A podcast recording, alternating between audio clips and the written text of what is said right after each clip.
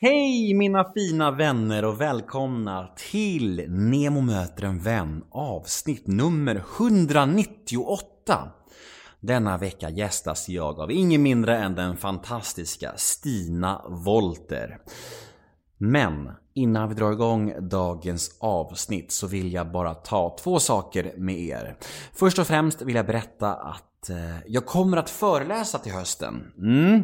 Föreläsningarna har ju legat på is ett tag men nu tänkte jag dra ut en till sväng och eh, bokningarna börjar trilla in. Eh, jag kommer att dra förbi Olofström, Örebro, eh, Kalmar, Sundsvall för att nämna några städer och om ni vill boka min föreläsning till ja, gymnasieskola, högstadieskola, arbetsplats, ungdomsgård, vad som helst så gå in på www.nemohedén.se jag har fått enormt fin respons eh, på alla ställen jag har varit på faktiskt. Och det finns goda referenser från dessa ställen också.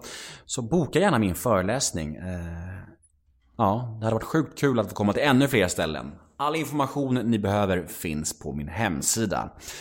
Den andra grejen jag vill nämna är såklart min självbiografi som man nu kan boka på Bokus eller Adlibris. Det är bara att gå in och söka på Nemo Hedén där. Det finns även en direktlänk till den här bokningen på min Instagram om man inte orkar gå in på Bokus eller Adlibris själv. Om man hellre vill gå via min Instagram. Det skulle betyda otroligt mycket för mig om ni ville köpa min bok. Det är mitt livsverk. Det är något som jag har kämpat med i över ett års tid. Blod, svett och tårar och eh, ja, det skulle värma mitt hjärta enormt mycket om ni ville lägga en bokning på min bok. Om ni beställer den nu på en gång så får ni den först av alla när den släpps den 24 oktober. Och ni kommer också få ett signerat exemplar då och kanske även en personlig hälsning från mig. Mm. Så gå in på Bokus eller Adlibris nu på en gång och lägg er beställning. Då blir jag väldigt, väldigt glad. Men dagens podd då? Stina Volter. Mm. Jag kan säga så här att jag har nog aldrig upplevt en kvinna som kunde sätta ord på känslor på ett sådant sätt som Stina gjorde. Hon nådde mitt hjärta och det var en otrolig stund. Eh, jag fick så mycket inspiration och jag fick så... Jag lärde mig väldigt mycket. Det... Alltså jag vet inte hur jag ska beskriva det här men... Någonting hände med mig efter vårt möte och jag är så otroligt tacksam att jag fick den här stunden med henne. För att hon är speciell och hon är i väldigt fin kontakt med sina känslor. Och ja, Ni får lyssna själva helt enkelt. Det är en speciell kvinna och eh, så härlig, så positiv, så livsglad trots att hon har varit med om så mycket skit och fått utstå så mycket skit. En sann inspiration, verkligen. Jag heter Nemo Hedén på Twitter och Instagram. Eh, gå gärna in på Facebook och gilla oss där. Nemo möter en vän heter vi där. Vill ni skriva något om oss på sociala medier så använd bara hashtaggen NEMOMÖTER. Har ni några frågor eller önskemål gällande podden eller min stundande bok eller föreläsningarna eller vad som helst? Skicka de mejlen till nemohedén gmail.com och min hemsida är, precis som jag nämnde tidigare, www.nemohedén.se Podden presenteras precis som vanligt av Radioplay och klipps av den finfina människan Daniel Eggemannen Ekberg. Men nog om mig. Dags för Nemo möter en vän avsnitt nummer 198. Gäst Stina Volter. Rulla gingen. Nemo är en kändis, den största som vi har. Nu ska han snacka med en kändis och göra honom glad. Yeah! Det är Nemo är en kändis, kändis. den största som vi har. Nu ska han snacka med en kändis och göra honom glad. Yeah! Det funkar, det funkar hur som helst. Ja Alltså, men det här vi- blev ju bättre. Na, na. Eh, Nemo möter en vän med Stina Wolter. Jaha, vi kör nu! Nu kör vi! Nu åker vi! OMG! Ja, nu Okej. kör vi. Okej. Hej! Hej, vad spännande att prata med någon som man inte känner. Verkligen. Vi är som två blanka blad. Ja. Och det är ju väldigt spännande. Ja, kör. Mysigt. Det, och det, för mig är det underbart att bli, att någon annan håller i intervjuandet. Ja. Att, att det är du som håller i det. Det är skitskönt. Ja, du får bara släppa nu och bara njuta och vara i det- centrum bara. Ja, men det, jag behöver inte ta ansvar för att frågorna ska bli på något särskilt sätt. Tycker du om att prata om dig själv? Jag, eh, jag har ju verkligen intervjuat och pr- pratat med människor i så enormt många år. Så därför i, i liksom skenet av det så säger jag ja eftersom jag vet hur, viktig berätt, hur viktigt berättandet är. Även mitt och ditt. Så det är inte alltid jag är sugen på att prata om mig själv. Men jag inser att min berättelse är, är viktig, min röst är viktig. Och sen förstår jag ju naturligtvis att det finns nyfikenhet. Har du, har du liksom mycket grejer som du känner att du eh, inte vill prata om? Eller är det så att du bara, att du är ganska transparent gällande det mesta i livet? Eller hur känner du? Ja, många tror ju att jag är helt gränslös och har noll integritet. Bara som en stripp, som en sjä, själslig strippa. Kom ut här nu. Eh, Men jag har, ju, alltså, jag har ju kört mina år i terapi och, och jobbat med mig själv. Så att jag har ganska bra koll eh, på mina sköra platser som jag behöver vara särskilt rädd om. Eh, Så jag har koll på vart mina gränser går hyfsat. Men sen är det också dagsform. Helt plötsligt så kan man ju märka att man inte var beredd på att man blev jätteledsen eller någonting annat när man pratade om någonting. Ja, Jag är nog ganska, jag går ganska mycket på intuition och känsla. Om jag upplever att du inte är en hyena som vill liksom gröta runt i liksom sopor och, bara för sopandets skull. Då känner jag mig trygg och då kan man närma sig liksom platser som kanske är nära ens gränser. Min erfarenhet eh, av när jag intervjuar intervjuare Mm. är att de ofta försöker vända på steken och ställer frågor till mig istället. Det har hänt flera gånger. Jag minns när jag intervjuade Peter Gide hände det, Christian Lok, samma sak. De bara vände på det och började fråga mig. Jag vet inte om det är någon slags försvar eller om det är en vanesak. Hur, tror jag, hur ska du undvika den? Eller så är det så att man eh, är, för att bli en bra intervjuare och, och, och radiopratare eller i de, i det fallet du nämner tv-personligheter så, så måste du ju ha en nyfikenhet för den andra. Det är ju själva förutsättningen. Eh, Så det tror jag att, att de är nyfikna men sen tror jag också att det kan handla om rädsla och att de vet av bitter erfarenhet vad ett felformulerat ord kan leda till och det vet jag också. Och det gör mig förtvivlad. Jag var med i en podd som jag hade ett underbart samtal i. Men eh, pressen plockade ut en mening här och en mening där och gjorde rubriker av det och det ledde till mm, in, en inte så rolig situation i familjen. Så att eh, ja, det kan ju också vara det att man försöker gira och, och smita för att man vet vad som kan hända. Jag skrev så här, eh, Stina Wolter, konstnär, föreläsare, radiopratare, sångerska, textförfattare, illustratör. Har jag missat något? Ja, nu om eh, 21 september släpps ju min bok. Och det finns många som liksom reagerar på den här mångfalden men vi får inte glömma bort att jag, jag, jag är faktiskt 54 år och har till exempel tecknat. Eh, jag började på min första krokikurs när jag var 14 år och en jävligt trasig och vilsen liten tjej. Så konsten för mig har varit en fredad plats, alltså min plats eh, som har tagit hand om mig och, och gett mig sammanhang och ventiler i livet. Så eh, Eh, det, är konsten som är grunden och sen har det också blivit språk, det har blivit sång, det har blivit texter. Men i mig sitter ju allting väldigt mycket ihop. Men många tycker att det låter bara, men gud vilken mångsysslare. Och för mig är mångsysslare, jag, blir, jag stör mig lite på det ordet för det låter ju liksom som om jag Inte är bra på något. Exakt, sitter och målar så här, blommor på toarullshållare. Eh, Nej men och det är inget fel att göra det. Men eh, det här är ju mitt liv. Det här är ju mitt yrke och det blev så här och det är väldigt spännande. Jag visste inte att det skulle utvecklas så här. Jag trodde att jag skulle vara väl en målande konstnär som eh, kämpade för att få stålarna att räcka varje månad. Sådär. Vi kan säga multibegåvning istället. Ja, det tycker jag. Ja. Vi kör på det. Det förutsätter att du tycker jag är bra på något av dem. Men begå, alltså begreppet begåvning är också intressant. Hur mycket, eh, hur mycket handlar våra förmågor om att vi har fått vara i miljöer där det är okej? Eh, det, kulturella kapitalet som, som man kan få genom att det finns böcker hemma, genom att man pratar om konst eller jag, jag menar, jag var ganska ensam som liten men jag liksom på loven så satt jag ju och, och såg på Shakespeare liksom, i en salong för min farsa jobbade. Så jag kan ju fortfarande citera typ Brecht och sådana där grejer. Och det självklart blir man påverkad. Hjärnan blir påverkad. Jag tycker vi ska måla upp lite eh, för lyssnarna vart vi är. Vi sitter på, det är ditt kneg där ju. Ett, av- ett av dem. Ja, ett av mina kneg. Vi befinner oss eh, på Radio Uppland. Därifrån sänder jag radio en dag i veckan. Eh, riksradio. Söndagarna med Stina Wollter heter programmet. Jag har nyss haft en serie som har sänds både i P1 och P4 som heter Kroppskontakt.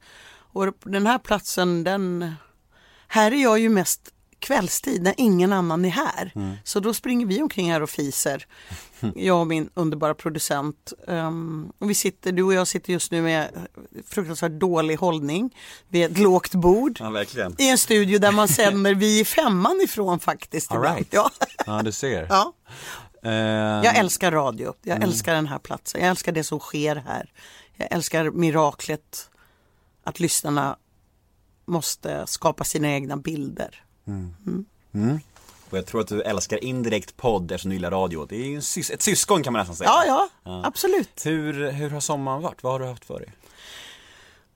Jag skrev klart det sista på boken. Jag har försökt att tillåta mig själv att ha sorg och att vila tre, fyra veckor. Jag vet inte om det egentligen är vila när man verkligen har sorg. Det är ett arbete att sörja. Det kom i natt jag skulle som- somna. Jag var faktiskt tvungen att gå upp och ta en tablett. För när jag gick in i den där mjuka famnen som sömnen ibland kan vara. Att man känner nu kommer jag att glida över. Då kom det en, en fruktansvärd eh, våg av sorg och smärta. Och jag visste att jag, liksom, jag måste sova nu. Så ibland måste du också skjuta på sorgen. Ja, det fanns inte utrymme just då, jag behövde min sömn. Men eh, den lilla händelsen visar på att kroppen behöver vara ledsen och gå igenom smärta. Sådär. Så. så jag har ägnat mig åt det, men jag har också haft det väldigt, väldigt fint. Eh, jag hade verkligen bestämt mig för att inte låta mig bli invaderad av stress de här lediga veck- veckorna. Och det kan ha varit en av de första gångerna som jag överhuvudtaget kan minnas som jag har klarat det. Så jag är väldigt, väldigt stolt över det. Jag tror att många känner igen sig i det, att vi är så lätt invaderade och lätt störda. Ja, för de som inte vet så, så eh, din mor gick bort. Ja, Ja, eh, så vi kan klargöra det för lyssnarna. Och Mm. eh, efter en tids, hon hade Alzheimers va? hon var dement. Hon var dement. Ja. Vad är skillnaden där egentligen på Alzheimers och demens? Alltså jag tror att det är eh, vilk, vad, på vilket sätt hjärnan blir påverkad. Hur, hur sjukdomen tuggar i sig hjärnsubstans eller funktioner. Mm. De är väl syskon. ja, ja. Eh, jag tror väl att Alzheimer är något aggressivare också. Mm. Men jag tror att det också kan se jätte, jätteolika ut. Det har jag förstått och framförallt sett. Det var ju en avdelning med bara dementa mamma låg på. Och Hon blev eh, nästan 90 va? Eller? ja, Ja, vad fint att du har gjort den researchen. Det känns fint. ja. Ja, och jag han älskar henne fullt ut innan hon dog. Vi hann älska varandra och mötas. Och ehm, jag känner inte sorg för att den plågade kroppen och den hjärnan fick dö. Jag känner sorg över att vi fick lite, lite tid på det här goa sättet. Jag sörjer en kvinna i den generationen som inte har fått leva fri på grund av sjuka ideal och normer kring hur kvinnor ska vara. Så folk som undrar var, var man får sin eventuella kraft eller det folk kallar mod ifrån så är det ju bland annat att jag tar spjärn från alla de som inte har de friheter jag har och de, den rösten. Jag läste en intervju där, du- där du hade sagt så här att eh, när hennes sjukdom kom så var det det bästa och det sorgligaste på samma gång. Mm. Kan du utveckla det? Allt det som hade... Min mamma har nog aldrig, aldrig någonsin varit elak för att skada. Hon kunde nog inte riktigt hjälpa att hon gjorde det emellanåt. Det som hände när mamma fick sina strokar och sen demensen var ju att det där som hade gjort illa mig, ehm, det försvann. Och där stod hon. Den som jag nog hela tiden har vetat att hon var. En helt briljant, rolig, varm person. Eh, förmögen att helt eh, ovillkorligt eh, älska en annan. Men medan hon var frisk så fanns det så väldigt mycket villkor kring, kring kärleken. Och det var som att jag aldrig klarade testet liksom. Det var som att jag aldrig gjorde henne nöjd. Mm. Gud, jag började gråta här. Tycker- Ja, Usch. ja. Ja, nej. Och nu på slutet av vår tid så kan du föreställa att den människan som har tittat på det nästan lite äcklad ibland. När du kommer in i rummet så bara lyser hon upp som en sol som man är det absolut finaste och viktigaste som hon någonsin har träffat. Och att, att jag fick vara med om det, det har ju läkt ehm, det har ju läkt allt helt enkelt. Vi la- lagade varandra tror jag och, och då är det ju fruktansvärt hemskt att hon glömde det två minuter efteråt eller en eller 20 sekunder. Så det har varit en jättemärklig tid i mitt liv att ensam vara bärare till ett sånt stort viktigt ehm, läkningsarbete. Så jag hoppas och tror att hon ifrån sin di- dimension ehm, vet om hur älskad hon är och hur fint det blev. Ja, Det är så konstigt att något så, eh, något så hemskt som en så förskräcklig sjukdom som det ändå är. Alltså demens är ju väldigt läskigt på många sätt och sorgligt men att det ändå kan innebära något så fint. Ja. Och sen bara liksom dra sig ifrån det på något sätt. Det fina som har kommit, att vi kan hoppa så mycket mellan Ja. två tillstånd. Vi får inte glömma bort att of, ofta den som är sjuk, den lider inte på samma sätt Nej. som vi lider, som är anhöriga. Det är våra minnen av eh, den friska personen eh, som liksom glappet blir för stort. Vi tycker det är smärtsamt att se dem resignerade, eh, vilsna och så vidare.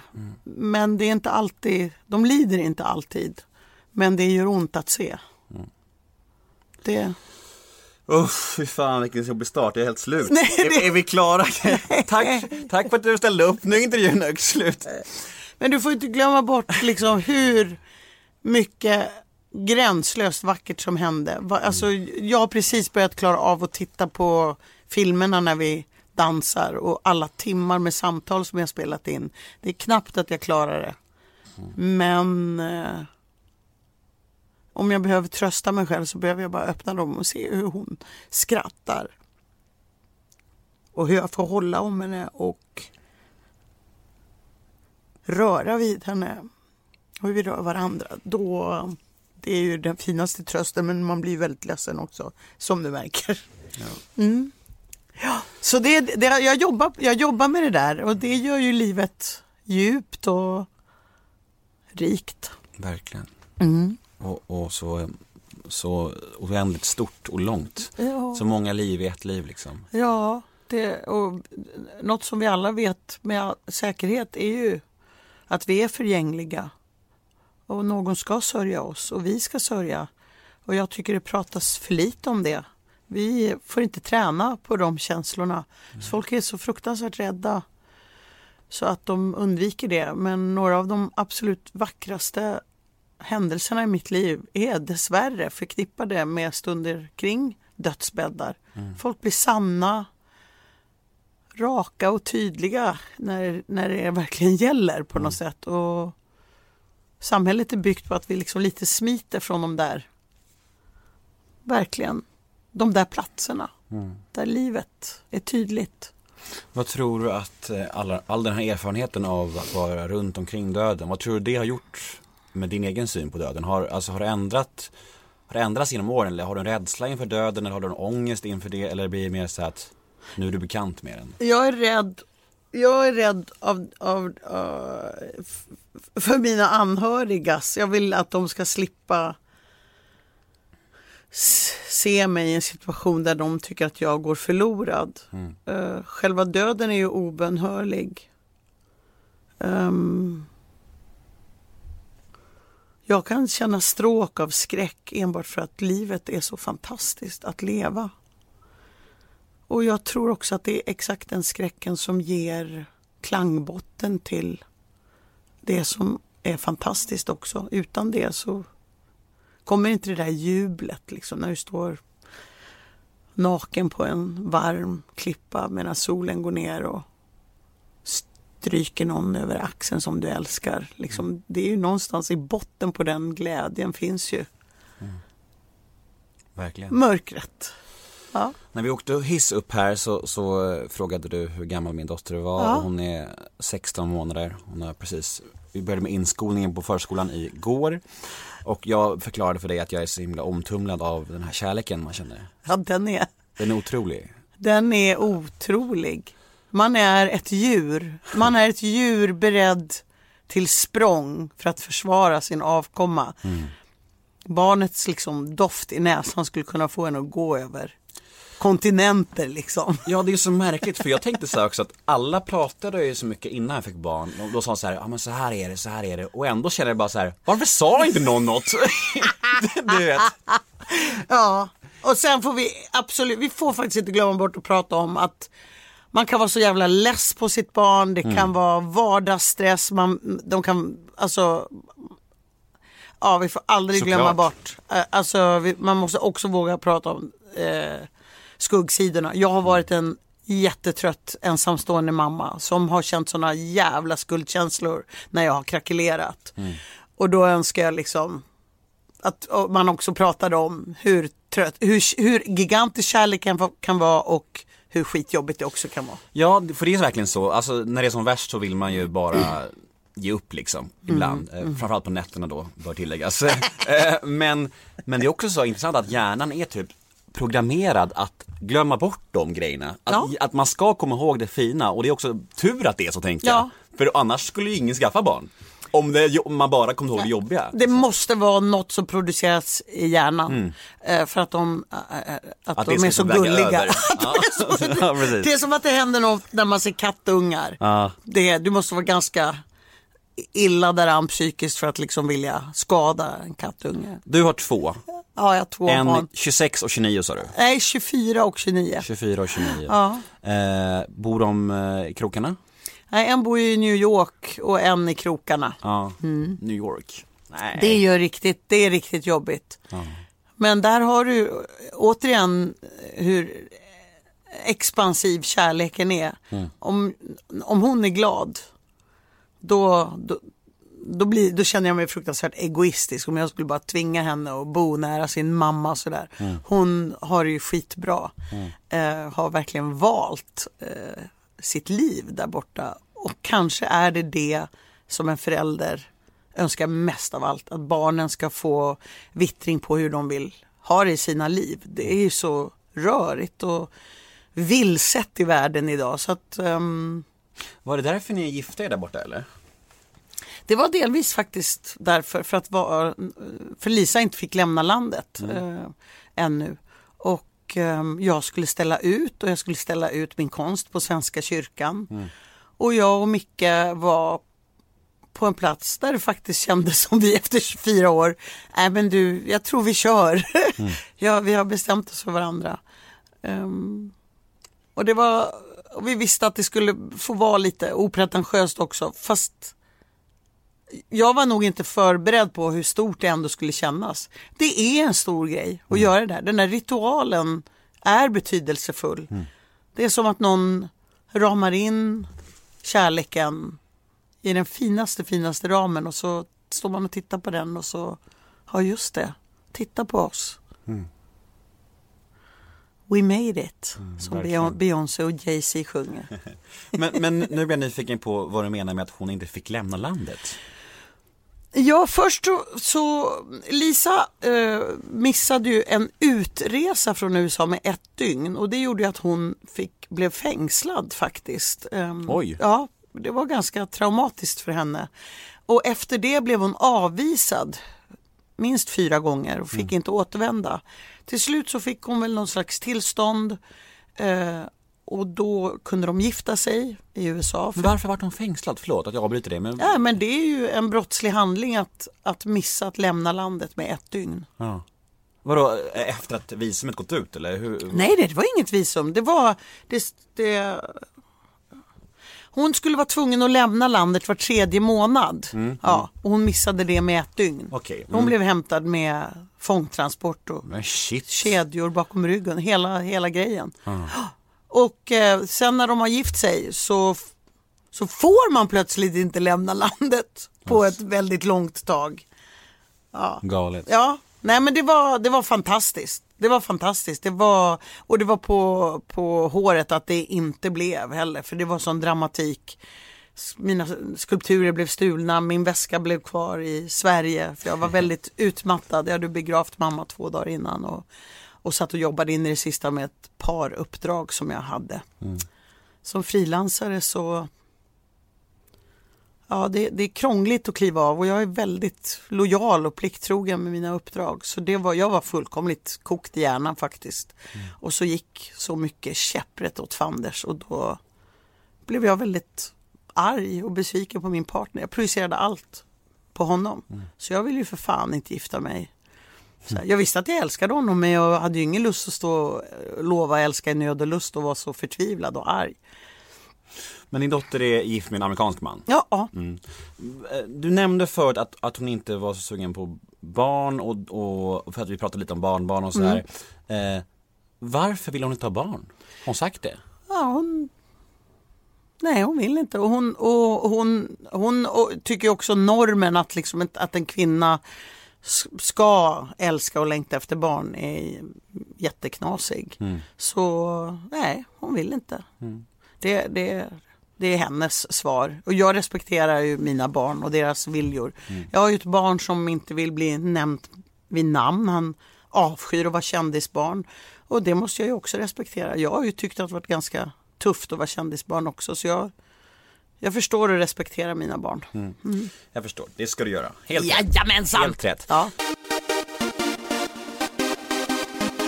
Okej tjejer, det är bra jobbat i första perioden och nu ökar vi andra va? Men Maj, Maja, lägg ner mobilen! Sorry coach, jag ska bara boka en motorkap till jobbet på måndag. Så, nu kör vi! Med Kramo kan du när som helst och var som helst hyra, administrera och lämna tillbaka byggutrustning online. Besök kramo.se. Att hyra har blivit ännu smartare. Välkommen till Däckteam! Nya däck. Ah, här! Rätt däck! Och där! Snyggt! Ha! Ja! Där satt den! Easy peasy! Välj testvinnande däck från Continental i sommar. För säkerhets skull. Däckteam, vet vilka däck du behöver. Nu, nu blev det ett väldigt långt intro här men det blir Alltså var detta ett intro?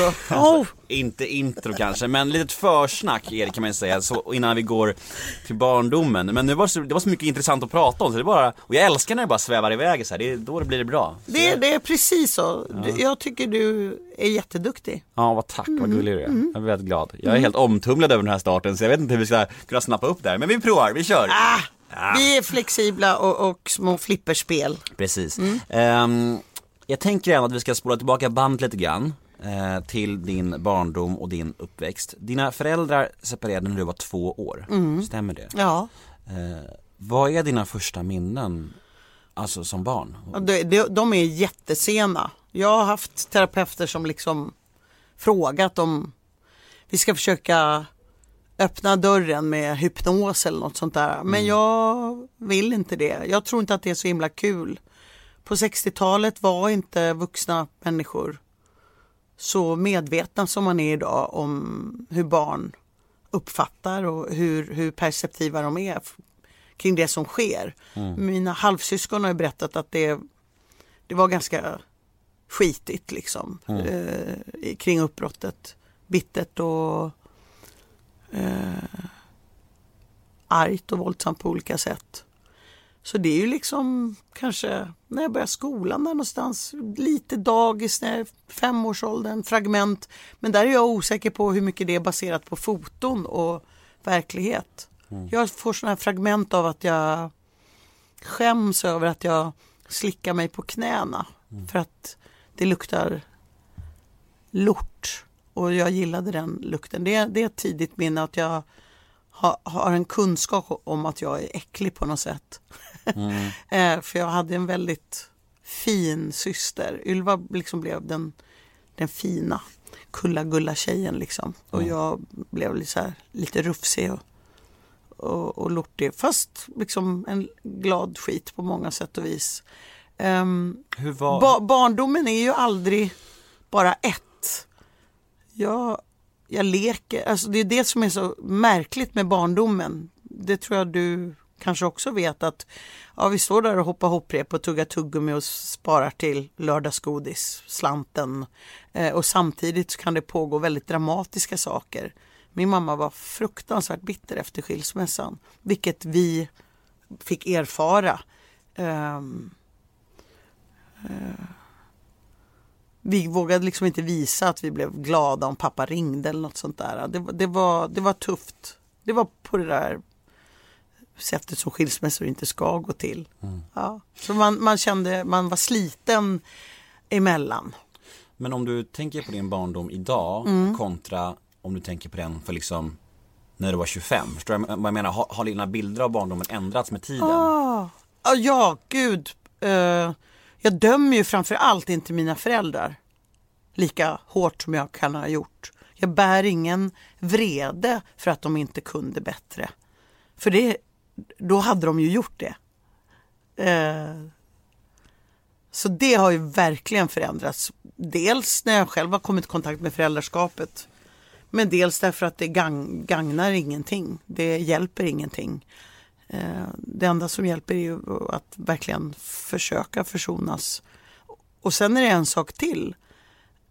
Jag vet ju inte vem jag är om inte just mitt liv hade sett ut exakt så här. Mina stark, mitt starkaste material som konstnär och det jag möter andra människor med när jag pratar, det är ju min egen historia. Så, så jag, jag kan liksom jag famnar den jättemycket och det har ju varit en mognadsfråga. Det, jag famnar den nog bara mer och mer och mer och framförallt så har jag tränat på att surfa tillbaks i tiden och, och titta på den där lilla tjejen och ge henne massa bekräftelse som hon behöver. Och jag tror att det går att laga. Jag vet att det går att laga. Jag gjorde det till exempel med mamma. Det var ju den där lilla Stina som egentligen blev lagad. Så, så ja, det förändras. Jag tycker det är föränderligt hela tiden. Ja, Det är ju väldigt bekvämt att skylla sina skeva beteenden på sina föräldrar. Det är ju att ta den enkla vägen verkligen. Så det har jag gjort hela mitt liv egentligen så här. Och jag har verkligen så här bara du vet när jag började supa och knarka bara, det är klart att jag skulle börja det, min pappa gjorde det när jag var liten, du vet så här. Och bara ta den vägen liksom. Ja, jag knarkade också men jag, det, för mig handlar det nog mer om identitet. Att när jag flyttade till eh, Göteborg så var jag 12, nästan, jag fyllde 13. Och då var jag kär i en 31-årig man. Va? Ja, eh, Jesus. Jesus creepers kan man ju lugnt säga. Jag tar en halstablett nu. Ja, kör. Ehm, och pappa hade just slagit igenom stort med Raskens. Och plötsligt så var jag kändisbarn från liksom lilla Uppsala. Jag visste inte vem jag var. Det gick inget bra med halstabletter. Så jag liksom ena veckan kunde jag hänga med ja, det var någon rik tjej som jag hängde med vars farsa ägde trädgården kommer jag ihåg. Och sen kunde jag hänga med raggare, hamna på läskiga fester du vet. Ett mirakel att jag inte ramlade, råkade mera illa ut. Och progg, proggarna hängde jag med. Och sen var det en av mina bästa vänner, eh, hon, hon var lite äldre, hon hängde ju med pundarna. Och hon blev jag jättekompis med. Och det enda sättet att vara med där, det var ju att också knarka. Så jag var 14 år när jag tog droger. Ehm, men det fantastiska är att och så i åttan hade jag 227 frånvarotimmar. Oj. Ja, det kommer jag ihåg för att jag förfalskade pappas namnteckning.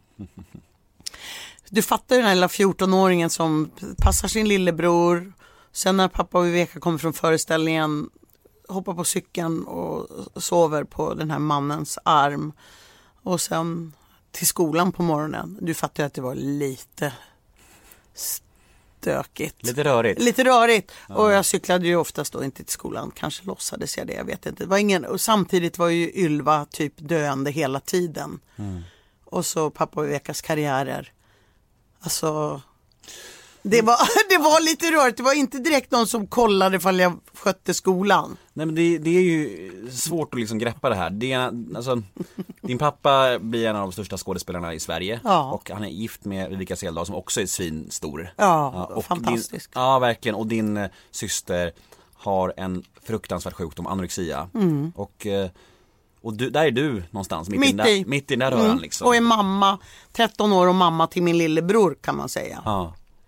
Och det låter ju tufft, det är bara det att när jag summerar nu efteråt så räddade det nog mig jättemycket att jag Hade någon slags normal, Ja, vi skapade en väldigt fin relation och eh, hans eh, eh, oerhörda kärlek till mig blev ju liksom mitt ankare, mitt lod.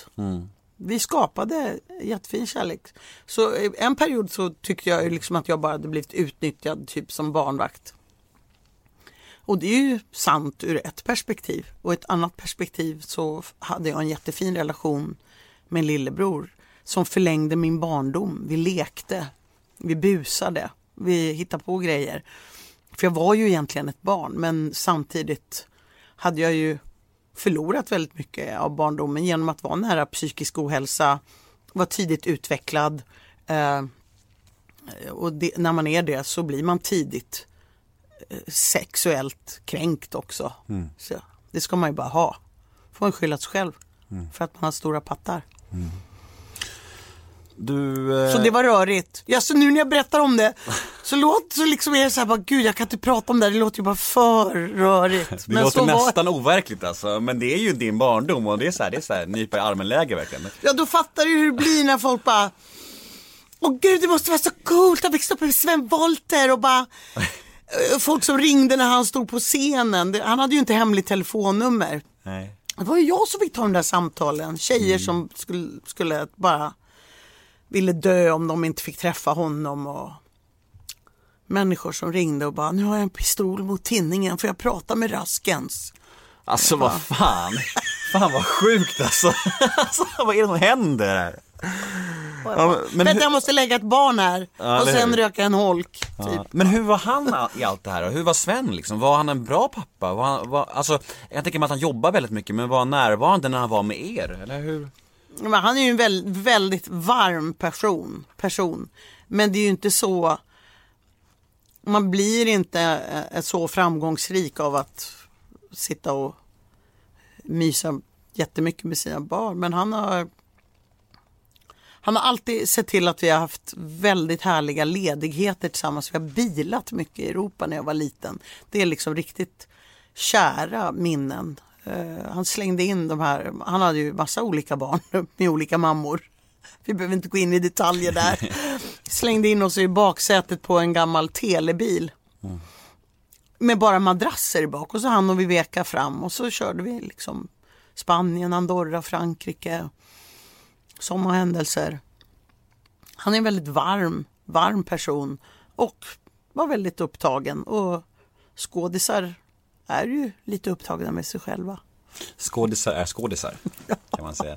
Jag intervjuade ju din pappa för drygt år sedan. Eh, Jag var ute, jag var, var, faktiskt ute i hans, är det sommarhus i Bohuslän där? Ja, på Orust. Ja, vi var satt på en pizzeria i Orust. Ja, just det. Ja, och eh, Nej men jag fick också det intrycket som du säger att den är väldigt varm och han pratade så himla mycket fint och gott om dig Det var Jaha. jättefint faktiskt och då tror jag också att jag började gråta lite Jag, är, jag blir så himla blödig sen jag fick barn, det är helt Ja, ja, sjukt absolut. Jag gråter jättemycket Ja, alltså. Men du vet ju, det är meningen. ja, Det är som att dörrar öppnas till mina Ja, känslor ja. liksom Fantastiskt Men det gör ju dig till absolut en, en bättre farsa. Och, och ja, men hjälp, självklart. Framför allt så gör du ju frukt varenda gång du säger att du blir berörd eller gråter eller liksom svajar till så gör ju du någonting ett jättestort arbete för att, för att på, påverka mansnormen och machonormen. Så kör! För jag tänkte ju lite så, varje gång jag gråter inför min dotter så tänkte jag så här: åh nej, ska jag verkligen gråta inför henne? Men samtidigt så är det jättebra att visa alla sidor av livet för henne och se att alla känslor är okej liksom. Men det är, det är konstigt i mig där, det är bara för att det är så ovanligt för mig att gråta, att jag då känner så här: okej, är det här rätt liksom?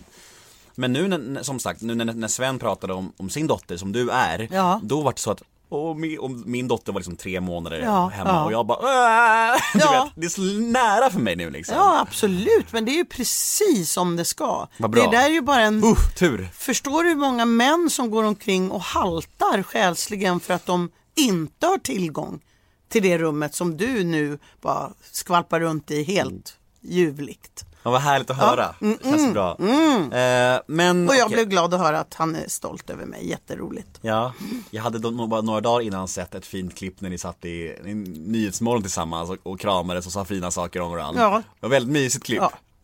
Jag kommer inte ihåg vilken gång, jag har varit med ett par gånger. Kanske var när han hejade på mig i Let's Dance. Ja, kanske. Eh, men eh, din syster då, Ylva, två år äldre än dig va? Mm. Hur eh, var det för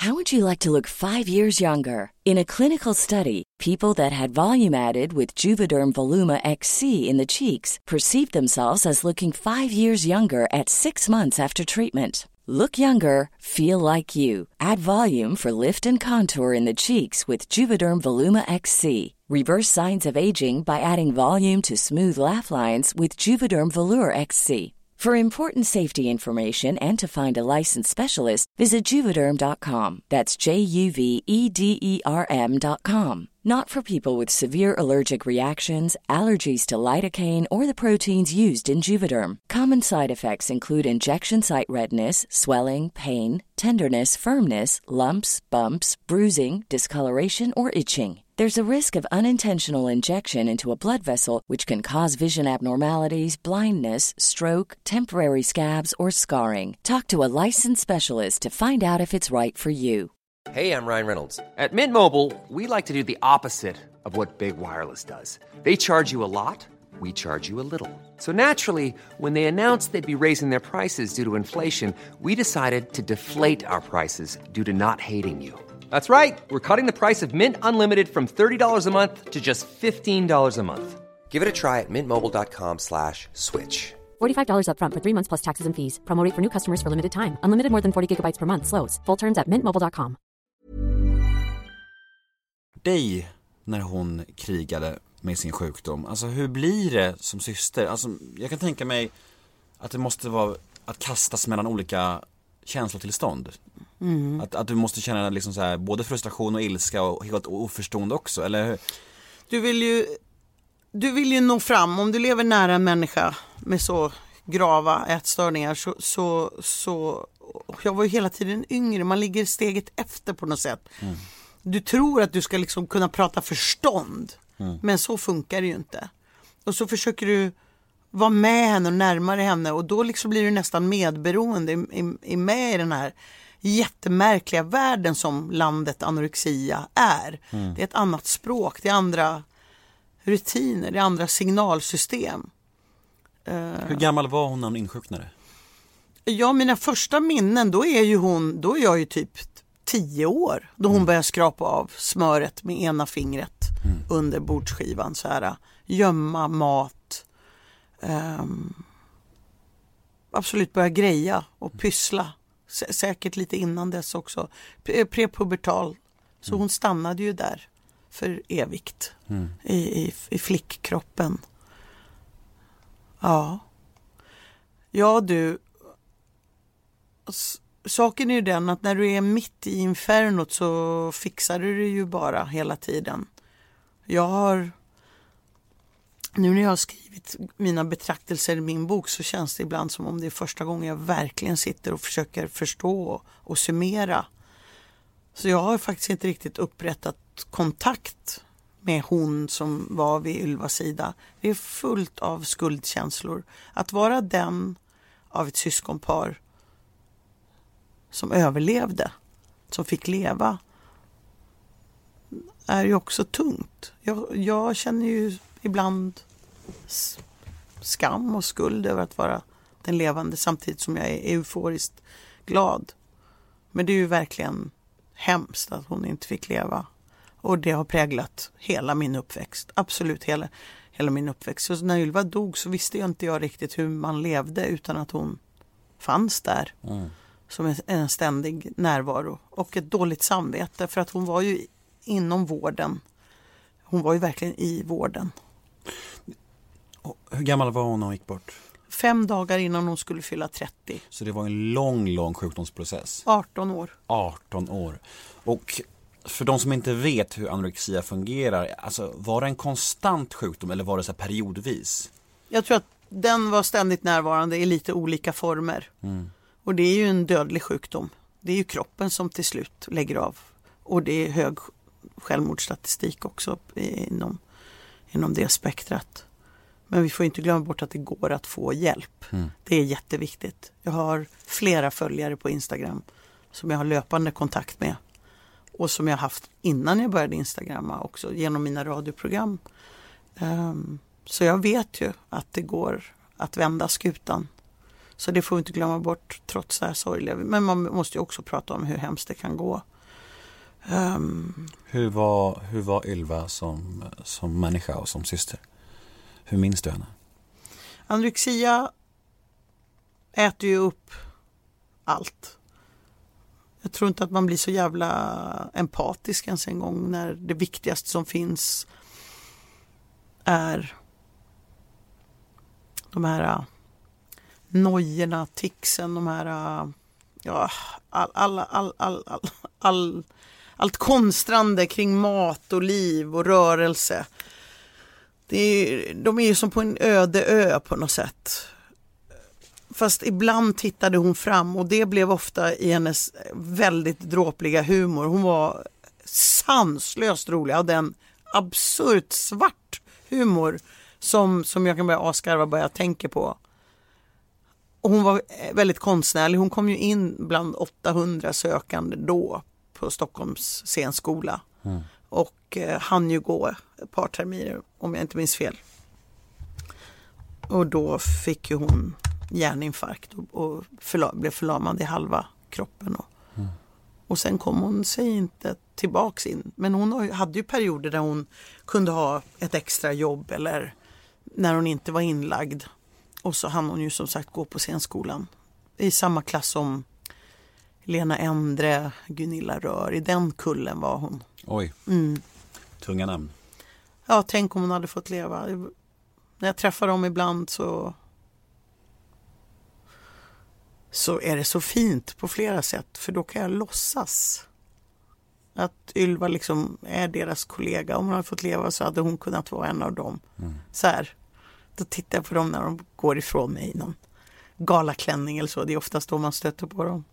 Så tänker jag att i ett parallellt universum om Ylva fått leva så hade hon varit en av dem. Mm.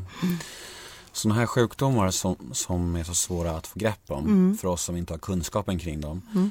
Eh, finns det någon utlösande orsak till att man får dem eller är det bara liksom slumpen som avgör? Eller hur funkar det? Hur fick hon den här sjukdomen? Hur går det till liksom? Jag tror att det är, det, eh, det är cocktails av olika, samman, äh, olika ingredienser som är o, o, olika för varje eh, sjuk person. Mm. Ehm, för många handlar det om kontroll. ehm, att ehm, kanalisera olika sorters ångest. Så kan det vara i kombination med att man får väldigt mycket bekräftelse från samhället och världen när man är kontrollerad, tuktad, smal och perfekt. Ihop med eh, säkert eh, familjeproblem kan det vara kanske. Men man kan inte, man kan enligt forskning kan man inte lägga, man kan inte lägga det på föräldrarnas misslyckande. Men det kan absolut vara en av ingredienserna tror jag. För Ylva var det nog så att hon ehm, hon var ju äldre än jag när mamma och pappa skildes. Och jag har en bild av att hon tog på sig skuld för skilsmässan. Vilket många barn gör. Om man då har, är, befinner sig i en tid då man inte snackar så mycket eh, med barn eller inte har en förhöjd medvetenhet om hur väl utvecklade de är psykiskt och mentalt från liten ålder. Det vet ju du. Du ser ju hur ditt barn blir påverkat liksom. Och hon är bara 16 månader. Så det går, jag tror inte att det går att säga. Det går inte att ge ett recept på det utlösande utan det är olika. Men vi lever ju verkligen i en tid då eh, cocktailingredienserna bara regnar över våra unga. Mm. Hur tycker du att eh, dina föräldrar och även Viveka eh, hanterade hennes sjukdom? Oj, så gott de kunde eh, utifrån sina förmågor. Mm. Viveka, för mig kommer hon alltid stå som en av de stabila furorna. Det berodde ju på att hon inte jag tror att mamma och pappa kände jättemycket skuldkänslor och det kanske stod i vägen. Jag vet att pappa har pratat öppet om den skuld han känner. Eh, Så det behöver inte jag prata om. Jag tror att om de hade fått göra om det nu så hade det sett annorlunda ut. Och det är jobbigt att tänka på men det kan ju vara fint för andra att höra. Mm. Och sen gick ju vi, Viveka bort också. Ja. Så du har verkligen haft det runt dig, som du säger, Mm. hela livet. Ja, hon var, jag, var, jag var sjukskriven i åtta månader eh, på grund av panikångest när Ylva hade dött. Det dröjde lite granna innan den liksom blommade fram. Och så när Viveka dog då blev jag sjukskriven igen för att ehm, ja, jag vet inte. I en bok av Alice Miller så skriver hon att en människa, en människa klarar sig med ett vittne, bara den har ett vittne. Och Ylva var ju den jag delade barndomen med. Mm. Ett slags vittne. Och sen var Viveka en ganska hon var en fantastisk människa och hon var liksom lite så här torr och karg och rak och rejäl, stabil, seende. Hon har varit väldigt, väldigt viktig i, i alla de här känslorna och uttrycken som har funnits. Eh, och jag, jag kan höra hennes röst i, inom mig när det har varit gräl och konflikter. Då har hon alltid varit den. Men Sven, jag var ju där, jag minns faktiskt hur det var. Sådär. Och så, och ja. Så försvann hon. Hjälp vad jag kände mig halt. Kände mig halt. Och glad över att jag hann få ha henne i mitt liv. Hon har varit nog väldigt, väldigt viktig för oss allihop. En fantastisk kvinna. Vi har ju pratat om folk nu som har gått bort. Mm. Det blir ett väldigt eh, mörkt samtal automatiskt. Men ändå fint, både och på något sätt. Eh, din far har ju också förlorat alla de här människorna, tänker ju. Mm. Pratar ni? Om, har ni pratat mycket om, om känslor? Eller har ni haft en sån relation när ni pratar om sorger och så här? Eller har det varit lite så här Jo, vi har varit nära, vi har, vi har varit nära varandra i den här familjen i, i våra förluster. Absolut. Absolut. Som jag sa förut så kommer man ju varandra nära. Jag och min halvsyster möttes ju verkligen vid mammas, eh, i mammas sista tid. Samarbetade och ja, fick syn på varandra som människor. Och det Jag, jag vet du, det pågår ju fortfarande. Jag tycker att det är jättekonstigt att Viveka inte finns. Jag, liksom, jag har inte tvättat koftan jag ärvde efter henne Mm. ännu. Och ibland när jag blir varm så anar jag att det kommer liksom en doft av henne från den, av min kroppsvärme som Mm. lösgörs. Så jag tycker de är väldigt närvarande. Det Mm. pågår hela tiden. Även om pappa nu är gift med en helt fantastisk kvinna. Så jag, jag har haft jättefina styvmammor. Mm. Många kvinnor blir det. Ja, det har blivit några stycken. Men tror du att ditt efternamn eh, har hjälpt eller stjälpt dig i, i dina karriärsval i livet? Ja, det vet jag ju att det, många tror att det har hjälpt mig och det har varit så jävla jobbigt att behöva hantera. Jag kommer ihåg första gången jag verkligen kom, jag, jag menar i skolan kunde man ju drabbas av lärares förakt för att de visste att pappa var kommunist. Så det kunde man ju råka ut för. Och folk som ropade kommunistfitta efter en i skolan och sådär. Men sen sökte jag min, eh, min andra konstskola, det var en högskola som jag sökte till. Det, man sökte med anonyma arbetsprover så man var ett nummer bara. Men jag fick höra efteråt när jag kom in yngst i Sverige, jag var bara 17 när jag kom in, jag gick ju inte gymnasium. Jag kom in på de där arbetsproverna och då kunde jag få pikar att det berodde på att jag var, hette Volter. Och det, alltså det gör så ont. Och det får jag ju höra kring mitt radiojobb, som om Sveriges Radio överhuvudtaget skulle anställa någon baserat på ett efternamn. Det är ju ett hån mot dem. Ehm, det är snarare tvärtom att jag alltid känner att jag inte har råd. Eller jag, nej, men jag kan inte slarva. Jag, när jag levererar så... Nej, jag har fått fan allting på egna meriter. Men jag men jag, till exempel får jag sällan stipendium. Och det tror jag har att göra med att man tror, att någon tror bara för att man har setts på tv eller pratar i radio så är man rik till exempel eh, och inte behöver något stöd eller får eh, uppmuntran eller något sånt där. Men nu, nu bryr jag mig inte längre. Jag, nu, min, jag tänker inte ha, jag tänker, nej usch. Och nu har det ju blivit så här att det är en jättegullig grej händer ju nu att folk går ju fram till pappa istället och frågar bara Är du Stina Wolters pappa? Det är fantastiskt. Jättebra. Så, för nu kommer det ju en ny generation. Jag har ju jättemånga. Vinden har vänt, äntligen! Det är en ny generation som inte faktiskt har koll Mm.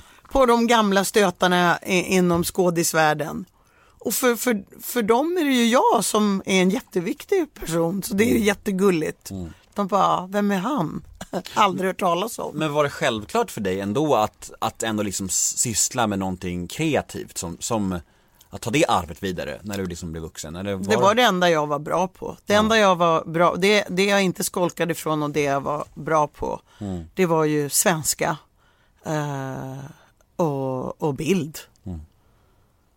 Så, så, och människan är ett värmesökande djur, den söker sig dit den får bekräftelse och, och jag var väldigt duktig. Och då blev det det. Och eftersom jag var lämnad i fred med det väldigt mycket, det vill säga ingen brydde sig särskilt mycket.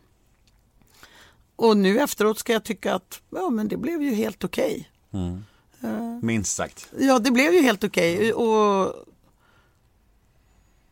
det, var ju, det är alltså en av de viktigaste personerna i hela det här dramat som är mitt liv är Kjell Brodin, min bildlärare på högstadiet. Som visste om att jag skolkade från det mesta utom hans lektioner. Då. Han bad mig stanna kvar en dag efter lektionen och så sa han Sina, jag vet inte vad du gör när du skolkar.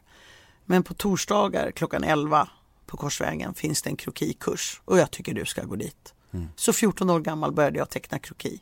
Och där förändrades mitt liv. Och resten är som, som man brukar säga historia. Ja, det kan man faktiskt säga. Och de kvinnorna som var i den där lokalen och stod och tecknade kroki, de blev ju min familj, mina mammor. Jag höll, ja, en av dem kom eh, 2017 på ett av mina vernissage. Mm. Du vet, det är så vackert.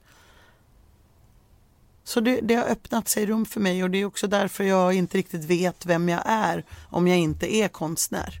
Det är ju det är mitt liv, det är min, det är min blick, det är mitt sätt att hantera världen. Nu ska vi prata om din Instagram. Oh my god!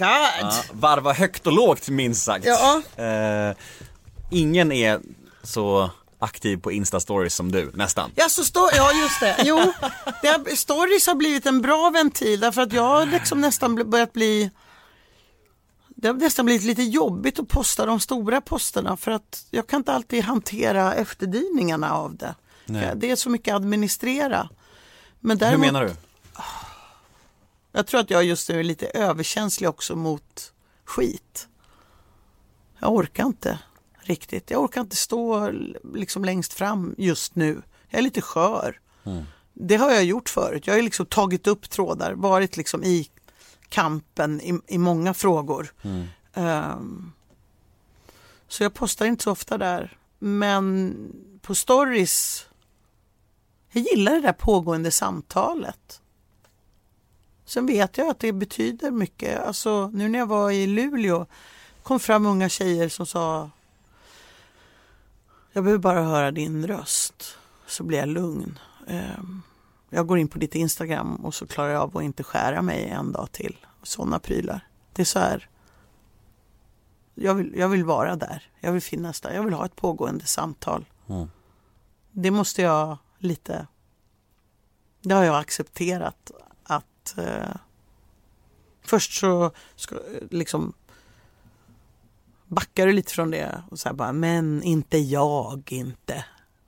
Och sen så bara, jo det är du.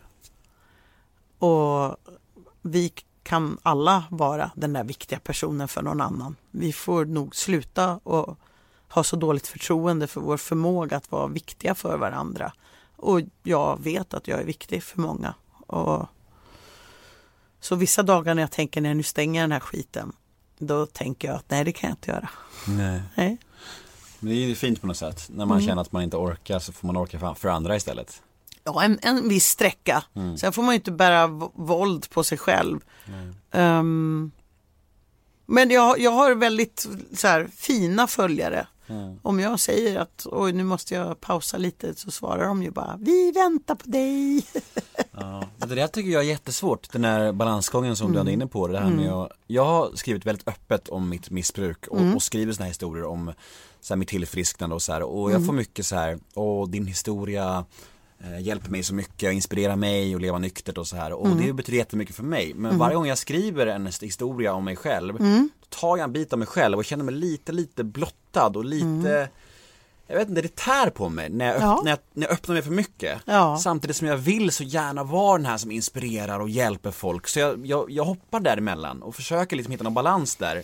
Jag, jag, jag bröt med Instagram i ett halvår för att det blev för mycket. Mm. Jag känner mig skyldig att svara alla som skrev. Ja, och du vet exakt så. Ja. Ja. Man blir helt slut. All tid går ju på det liksom. Jag ägnar ibland mellan två och fyra timmar om dagen att bara Ja. svara. Det är ju ett arbete. Eh, alltså jag blir så glad att du säger det där. Eh, men sen är det en grej som vi måste prata om nu när vi har ett antal tusen lyssnare. Vi får inte glömma bort mottagarens ansvar. Eh, jag tror att nu i dessa tider när influencers, youtubers och instagrammare och sådana blir så viktiga människor så måste också konsumenterna eller vad man ska säga reflektera lite grann över eh, att respektera en, en vanlig medmänniskas gränser. Du kan inte klampa in och ha åsikter om en annan människas liv hur som helst, även om den har varit öppen. Vi måste liksom bli, i dessa tider med, med att vi visar och är transparenta, så måste faktiskt mottagarsidan också ta lite ansvar för en värdig respekt. Eh, ja, jag, jag, vi behöver prata öppet om den här balansgången helt enkelt. Men det är inte bara ditt fel som är transparent när du blir inklampad på.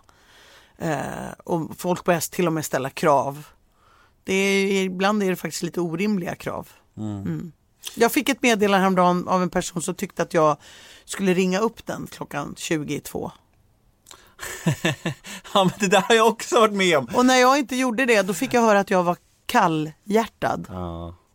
och en dålig människa. Alltså då har det ju verkligen gått för långt. Mm. Jo, och några har börjat ringa till mig också och, och sagt så här. ja, Jag behöver tips, min, min pappa dricker för mycket och så du vet, så här, det händer då och då. Eh, och även om jag blir glad och stolt och hedrad på ett sätt så känner jag att det är för mycket på något sätt. Ja, det är framförallt är det ju att sam, det finns ett misslyckande i både samhällsstrukturer och vän och familjestrukturer Ja. när, när det hamnar så långt bort. Att det inte finns människor och ett skyddsnät Mm. i deras närhet. Det visar på att det är någonting som har fallerat. Mm. För man älskar det, alltså det är liksom att, att få chansen att hjälpa och inspirera och, och är ju det finaste som finns i hela världen. Ja. Så man vill heller inte, jag vill verkligen inte gnälla eller klaga på det, det är det Nej. sista jag vill. Men ibland känner jag bara att liksom det tar för mycket av Ja mig. fast om du och jag blir utbrända så är vi ju inte till glädje för någon. Exakt, Ja. så är det. Så det, det, vi får hjälpas åt. Och det är bland annat därför faktiskt jag eh, gjorde den här boken. För att det skulle finnas lite texter samlade. Mm. Och jag planerar faktiskt, jag hoppas att det kan bli en bok som tar upp de vanligaste frågorna och svaren. Mm. För det är ju några stycken som återkommer och är ganska lika varandra. Eh, Så det kanske du också skulle överväga, samla det på något sätt. Men jag har ju skrivit en bok. Ja men då så, då har du gjort det. Ja, jag menar ju det. Och när kommer din bok? När släpps den? 21 september, när kommer din? 24 oktober. Snyggt Stina, snyggt! Där fick vi in det också. Nej, men det är jätteviktigt, det är våra bebisar. Ja, verkligen. Herre mina ge. Livsprojekt. Det måste man ju prata om. Eh, Ja, ja, ja. Ja. Så jag tycker Inte ni... skämmas. Nej, verkligen inte. Mm. Vad. Vad heter din? Min bok heter Ingen och det eh, handlar om att jag döptes ju till Nemo när jag föddes Ja. och Nemo betyder ingen på latin. Och hela mitt liv så har jag känt mig som ingen. Jag har känt mig Nej, helt tom och inget egenvärde och ingen självkänsla. Så jag har kämpat hela mitt liv för att bli någon liksom. Mm. Så boken heter Ingen och sen på sista sidan står det Någon. Men, Tycker jag är snyggt. alltså det är fantastiskt. Ja, vad bra. Jättefint. Ja. Jag köper den. Ja men du kommer få den. Ja, du ska få min. Säg, Så här, säg klubb, klubben för inbördes beundran. Nu ska vi snart ta fram små ljusgula fjädrar och killa varandra i armbågarna. Nej men du kommer bli inbjuden på en release. Ja, vad kul. Om du vill komma. Ja. Eh, Men det här med sista frågan om din Mm. Instagram då. När folk inte kan bete sig, Mm. hur hanterar du det? För jag kan tänka mig att du får en del elakheter och du säger själv att du är ganska skör, i alla fall just nu. Mm. Hur försöker du kommunicera och resonera med de här män- människorna eller blir det bara block direkt? I mån av tid och ork. Jag ser mig själv bland annat också som en forskare. Eh, nätforskare. Nu är inte jag, jag är inte på något universitet. Det kommer inte ge mig några högskolepoäng. Men jag intresserar mig faktiskt för den som kommunicerar. Och det här vill jag passa på att säga att jag kallade dem som hatade eller skickade dickpics eller eh, försökte trycka ner mig för någon slags fiende. Jag kallade dem nog för fiende. Och då sa Stina Oskarsson, en fantastiskt klok människa, hon sa, men har du tänkt på att även den som hatar faktiskt också bara söker kontakt. Och jag bara ville nästan inte acceptera. Det blev så jobbigt att hon mänskliggjorde den här personen som jag såg bara som en diffus fiende. Men faktum är att hon fick mig att tänka om lite granna. Så självklart så händer det att jag bara inte orkar. Men jag möter också för att undersöka lite granna varför och vad ligger bakom och vem är du? Och så gör jag ju ofta, min strategi har varit att använda mig av konversationerna och skapa en ny post för att ha en diskussion om vad är det vi ser här? Um, för den dagen man tar makt över situationen och skapar någonting nytt av den så är man ju inte dess offer. Och jag vill inte vara ett offer för mitt eget Instagramkonto.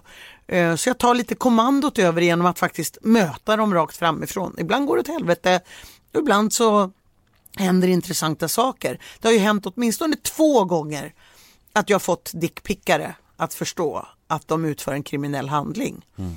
Jag menar, det är i alla fall två av ett par tusen kanske. Mm. Verkligen. Seger! Ett sandkorn i taget. Verkligen.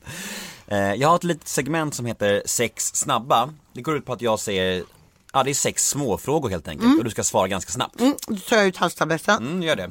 Igen. Dyraste ägodel? Alltså det är väl datorn. Vad missbrukar du?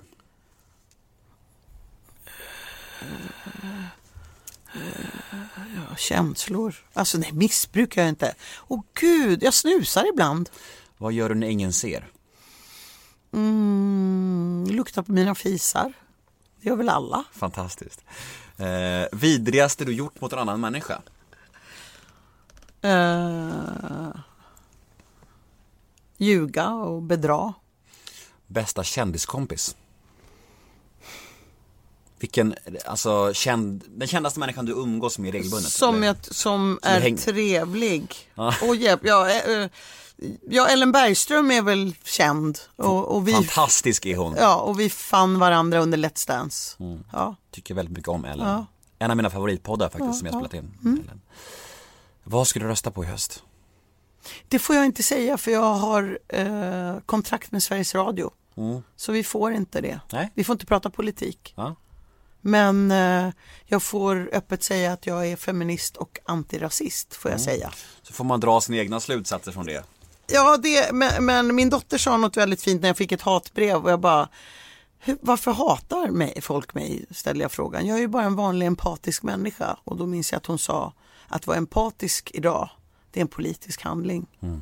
Så det, ja. Klo- kloka ord. ja. När får du ångest? När sköljer det bara över dig? När mår du som sämst? när jag inte räcker till. När jag måste säga nej och avvisa. Så det är det måste jag ju verkligen jobba med för det är inte som det ska att det ska ge mig ångestpåslag. Mm. Vad är det för tabletter du tar när du inte kan sova förresten? Jag måste ju... Ja, det är en sån här insomningstablett. Jag har ju varit vettskrämd för tabletter. Men Imo- till- Imovan? Ja, något likt. Nej, Ja. nej, det här är starkare. Det här är insomnings, du vet stillnockt-artat. Ja, okej. Mm. Får vi säga? Ja, det här är ju inte public service. Jag skulle aldrig få säga ett varumärke i mitt radioprogram. Det är bara att spruta varumärken ur dig här. Ja, det är något sånt där. Som har kort och intensivt bara puttar den över kanten. Ja, går det snabbt? Ja, det går snabbt, sa flickan. Himla kul det där med sa flickan. Jag och mamma pratade om det här om dagen. När passar det in att säga sa flickan? Det är aldrig, det är vidrigt egentligen, men den kom så fort. Ja. Men, men från början var det typ när man drar ett litet snuskigt skämt, är det inte så? Typ? Ja, ja. men men då- den passar, ju, den passar ju så bra ofta. Vad har du för relation till alkohol? Eh, bra, jag är välsignad med en eh, hjärna som, eh, allt, beroende handlar om vilken hjärna du har och jag har en som inte blir beroende. Mm. Så jag kan njuta av ett glas vin och vill inte nödvändigtvis ha mer. Om, och jag, det kan ta stopp om jag känner oj nu snurrar till, då kan jag lägga av med en gång. Och det vet jag är ett privilegium och, och tack vare att jag har en okej, att jag har den hjärnan. Mm. Jag hatar att bli det var ju därför jag också slutade med eh, att röka på när jag var 14. För att det, jag tyckte det var så hemskt att inte ha koll. Vissa älskar ju att förlora den kollen, men jag tyckte det var hemskt. Jag är så kär i min hjärna, jag gillar inte när det blurrar till. Ja, du sa ju att det konsumerades en hel del droger under ungdomen. Mm. När använde du någon drog senast nu? Alltså förutom sömntabletter. Ja. Eh, ja men då ska jag vara alldeles ärlig. När Ylva dött så eh, blev det så svårt att vara ensam med Lisa. Jag hade sån sorg. Och hennes biologiska far ville inte vara, ta henne. Eh, så min dåvarande pojkvän tog Lisa över en helg så att jag bara skulle få vara ensam med min sorg. Och då åkte jag till Skagen kommer jag ihåg och gick rakt, eh, i två dygn så, så liksom partade jag. Mm. Och vid ett tillfälle där så hoppade jag ner på en båt nere i hamnen i Skagen och blev bjuden igen. Och då har inte jag eh, rökt hasch sen jag gick i åttan alltså. Mm. Och då tog jag den där pipan. Eh, så det var sist. Då blir det 1992. Mm. Det är ju ändå ett par år sedan. Så. Eh, Vi har ett segment som heter ett ord om, som går ut på att jag säger fem stycken svenska kändisar som brukar skapa reaktioner. Jaha, Du ska säga det första ordet som kommer i ditt huvud Ja. när du hör namnet. och hjälp. Är du med? Ja, Alex Schulman, oj. Eh, backslick, Marcus Birro, bitter, Sara Larsson,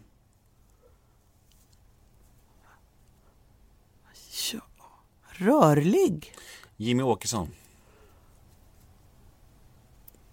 Smart. Leif GW Persson. Gubbe. Bra. Avslutningsvis så ska vi damma av ett par lyssnarmail. Mhm. Fyra stycken, närmare bestämt. Första mejlet lyder så här. Inser hon hur mycket hon betyder för otroligt många kvinnor och män som kämpat mot självhat gentemot sin kropp? Finns tusen frågor jag hade velat ställa, men mest av allt vill jag bara tacka henne. Det var ju ingen fråga, det var bara en hyllning. Ja, hon undrar om jag vet om det och jag närmar mig det. Eh, det skälver i mig över den insikten. Det är, det är helt fantastiskt.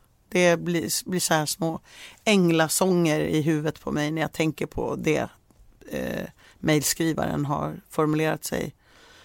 Så vissa dagar kan jag inte omfatta det och andra dagar så sveper jag det om mig som om det vore liksom den skönaste pläden en kall vinterdag. Så det där, det beror på hur stark jag känner mig, hur väl jag kan ta emot kärlek. Mm. Nästa mejl. Har Stina alltid varit feminist eller minns hon ett specifi- specifikt uppvaknande? Det där är faktiskt en jättebra fråga därför att um, du kan ju inte vara feminist innan du vet vad det är. Uh, så för mig har det nog smygit sig in i mig tills det inte, tills jag förstod att det var de, verktyg, de verktyg jag behöver och de analyser jag behöver i mitt liv är de feministiska verktygen och analysmetoderna. Eh, feminism handlar ju om eh, fördelning av makt. Och i, I alla rum finns det liksom olika maktpositioner på något sätt och maktrelationer. Um, så jag, det, har, det har smugits in i mina händer tills det blev det fundament som, som jag behöver och står på. Jag, jag tycker ju att det är jättekonstigt med människor som inte är feminister. Det, jag förstår inte. Och jag väljer att tycka att, då, folk får tycka jag är dum i huvudet eller naiv, men jag tycker det är konstigt. Mm. Nästa mejl. Eh, Hej Stina, berätta om din tid i Let's Dance. Var det självklart att ställa upp? Vilka är dina tydligaste minnen från den tiden? Eh, nu ska vi se, det var flera frågor där. Nej, det var inte självklart. Det var jätte, ett långt beslut och jag tvekade jättelänge. Um, det som fick mig slutligen att bestämma mig var att jag som ung hade behövt se en Stina på tv i små jättekonstiga glittriga prinsessklänningar. Uh, lätt överviktig och med alldeles för hög röst och hår i armhålorna ta plats på bästa sändningstid. Det tänkte jag, jag behövs där.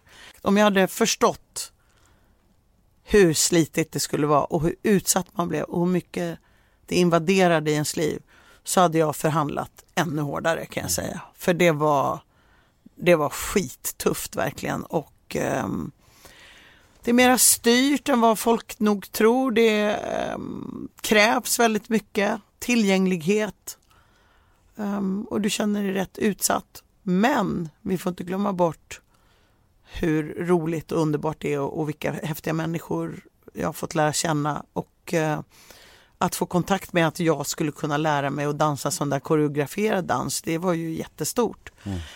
Eh, ett minnesvärt ögonblick är det är ett par händelser tillsammans med Tobias som jag dansade med. Det var nog första gången han sa åt mig att jag var tvungen att trycka mitt kön emot honom. Här står ju liksom världens raraste eh, person. Eh, Vi känner inte varandra och för att kunna börja dansa så behöver han instruera mig om att det måste du göra. Och jag bara, nej, jag kan ju inte trycka fettan mot dig. Jo, det måste du göra, liksom, annars tappar du balansen. Så det blev en, ett, jag fick en ny relation med verktyget kroppen. Det var inte snuskigt. Du måste göra det här för annars så förskjuts tyngdpunkten. Det, det var en häftig grej att upptäcka. Så här, här är kroppen, vi måste göra så här. Det var väldigt avsexualiserat, jättecoolt. Och sen är det första gången han ska göra ett lyft på mig. För då grät jag i princip. Jag bara, men du kan inte, jag är för tung för dig. Nej men nu ska jag lyfta dig och så då försökte jag hjälpa till så här, hjälpa till och hoppa upp. Och då säger han till mig, det blir dubbelt så tungt för mig när du försöker hjälpa till. Mm. Och det är så vackert. Och då säger han bara, Stina, du måste låta mig bära dig. Så det var bara, mm. då blev jag ett väldigt litet barn som nog hade längtat väldigt länge efter att få bli buren. Mm. Och så bar han mig. Och det var fantastiskt. Och jag kommer att älska Tobias Bader till döddagar för det fina sättet han hanterade mig på. Fint. Mm. Innan vi avslutar så vill jag ställa en fråga om, eh, som handlar om utifrån mig själv. Och Mm. när jag fick en dotter så eh, skrev jag ett Instagram-inlägg om att eh, jag vill börja engagera mig i jämställdhetsfrågor och att en dotter har gjort att jag måste tänka efter och att jag på ett annat sätt eh, ja, vill kalla mig feminist. Mm. Och eh, då fick jag delade reaktioner på det. Vissa människor var så här, ja vad fint att jag fått dig att förstå eh, att du vill engagera dig för Mm. kvinnor nu. Mm. Medan vissa var så här, jaha, att det krävs en dotter för att du ska bry dig om kvinnorna. Så det blir lite dubbelt. Ja, kan du förstå båda sidor? Jag kan aldrig förstå hur det, hur det är att vara kvinna. Nej, men kan du förstå att du får den reaktionen? Absolut. Fan vad synd att en man ska, att det ska till det för att det ska komma ett uppvaknande. Mm. Vad synd att den utbildningen inte har kommit till dig innan. Mm. Vad, vad, vad synd att den medvetenheten inte kom innan. Då, då har ju liksom bildningen i det här också misslyckats.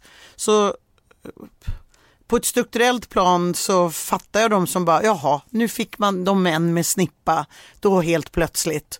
Ehm, fa- så, så att, ja, vad- vill du fråga mig någonting kring det? Förlåt. Nej, jag tänker bara din, eh, vad du tänker om det. För jag var ju så här, åh varför kan inte människor bara bli lite glada att jag faktiskt har fattat att jag vill börja, vill börja ta ställning och så här. Medan jag ändå förstår de som tycker att, åh, att det krävs en dotter Mm, för att man ska mm. liksom så här reagera. För informationen har ju funnits för dig hela tiden. Ja, och ja, ja. troligtvis har du sett dina manskompisar bete sig som arslen genom åren. Och du åren, också ja. har gjort det. Mm. Då säger jag så här att um, bara hurra att du använder din plattform att vara feminist. Eh, och prata också öppet om med dina vänner och inför dina manliga följare att liksom, är det inte för jävligt att det ska behöva vara så här, att vi ska behöva bli föräldrar innan vi ser och förstår hur vi kan arbeta för att våra döttrar inte ska behöva vara rädda i förhållanden eh, när de går hem. Jag- Jag antar att det gör svinont i dig när du tänker på att someone's gonna grab her by the pussy, tvinga henne att göra saker som gör ont, Mm. utpressa henne emotionellt. Alltså vad känner du då? Jag kräks. Ja, Men jag, i min naiva hjärna så tänker jag bara så här. Åh varför kan inte folk bara bli glada att jag kallar mig feminist överhuvudtaget och inte hur jag hittade vägen nej, dit? nej men någon, ja, ja, absolut, det pratar vi om. Nej men vänta nu här, något konfettiregn och massa tacksamhet. Det, jag, jag, sorry. menar, jag menar inte så, jag menar inte så. Du förstår vad jag menar. Ja. Nej men jag, jag ville bara eh, ventilera det. Du får, du får faktiskt ett litet puff konfettiregn här Ja, över tack. mig. Heja dig och ditt barn och eh, må vi se förändringens vindar blåsa över Verkligen. er. Det är Ja. väl ändå kontentan Mm. och att vi kan enas där. ja, vi är jätteenade tror jag. Ja, fantastiskt. Mm. Du, eh, vi börjar bli klara. Ja, men fint. Jättefint. Eh, om man eh, vill följa dig så finns det ju på Instagram där du är superaktiv och superhärlig. Stina Wolter heter du där. Och din bok ska man beställa på Bokus kanske eller Ja, Adli- det- Adlibris Det överallt? finns, det finns i mitt, på mitt Instagramkonto finns faktiskt en länk där det går att beställa den signerad och sen kommer jag ju dyka upp på olika ställen i Sverige. Ehm, Den heter Kring denna kropp Mm. och det utspelar sig kring den här kroppen. Mm. Beställ Stinas bok på en gång, beställ min bok, den finns på Bokus, Adlibris och överallt, den heter Ingen, fast ni hittar den om ni söker på mitt namn bara. Så har ni väldigt mycket härlig läsning att se fram emot i höst. Eh, Du, supertack för att du ville vara med. tack, vad jag är glad att jag sa ja så att jag fick möta dig i verkligheten. Mm. Jag är jätteglad att du ville vara med och Mm. det blev precis lika härligt som jag tänkt mig. Så. Du håller i verkligheten, IRL. Ja, tack så Ja. mycket. Detsamma. Hej då! Hej då!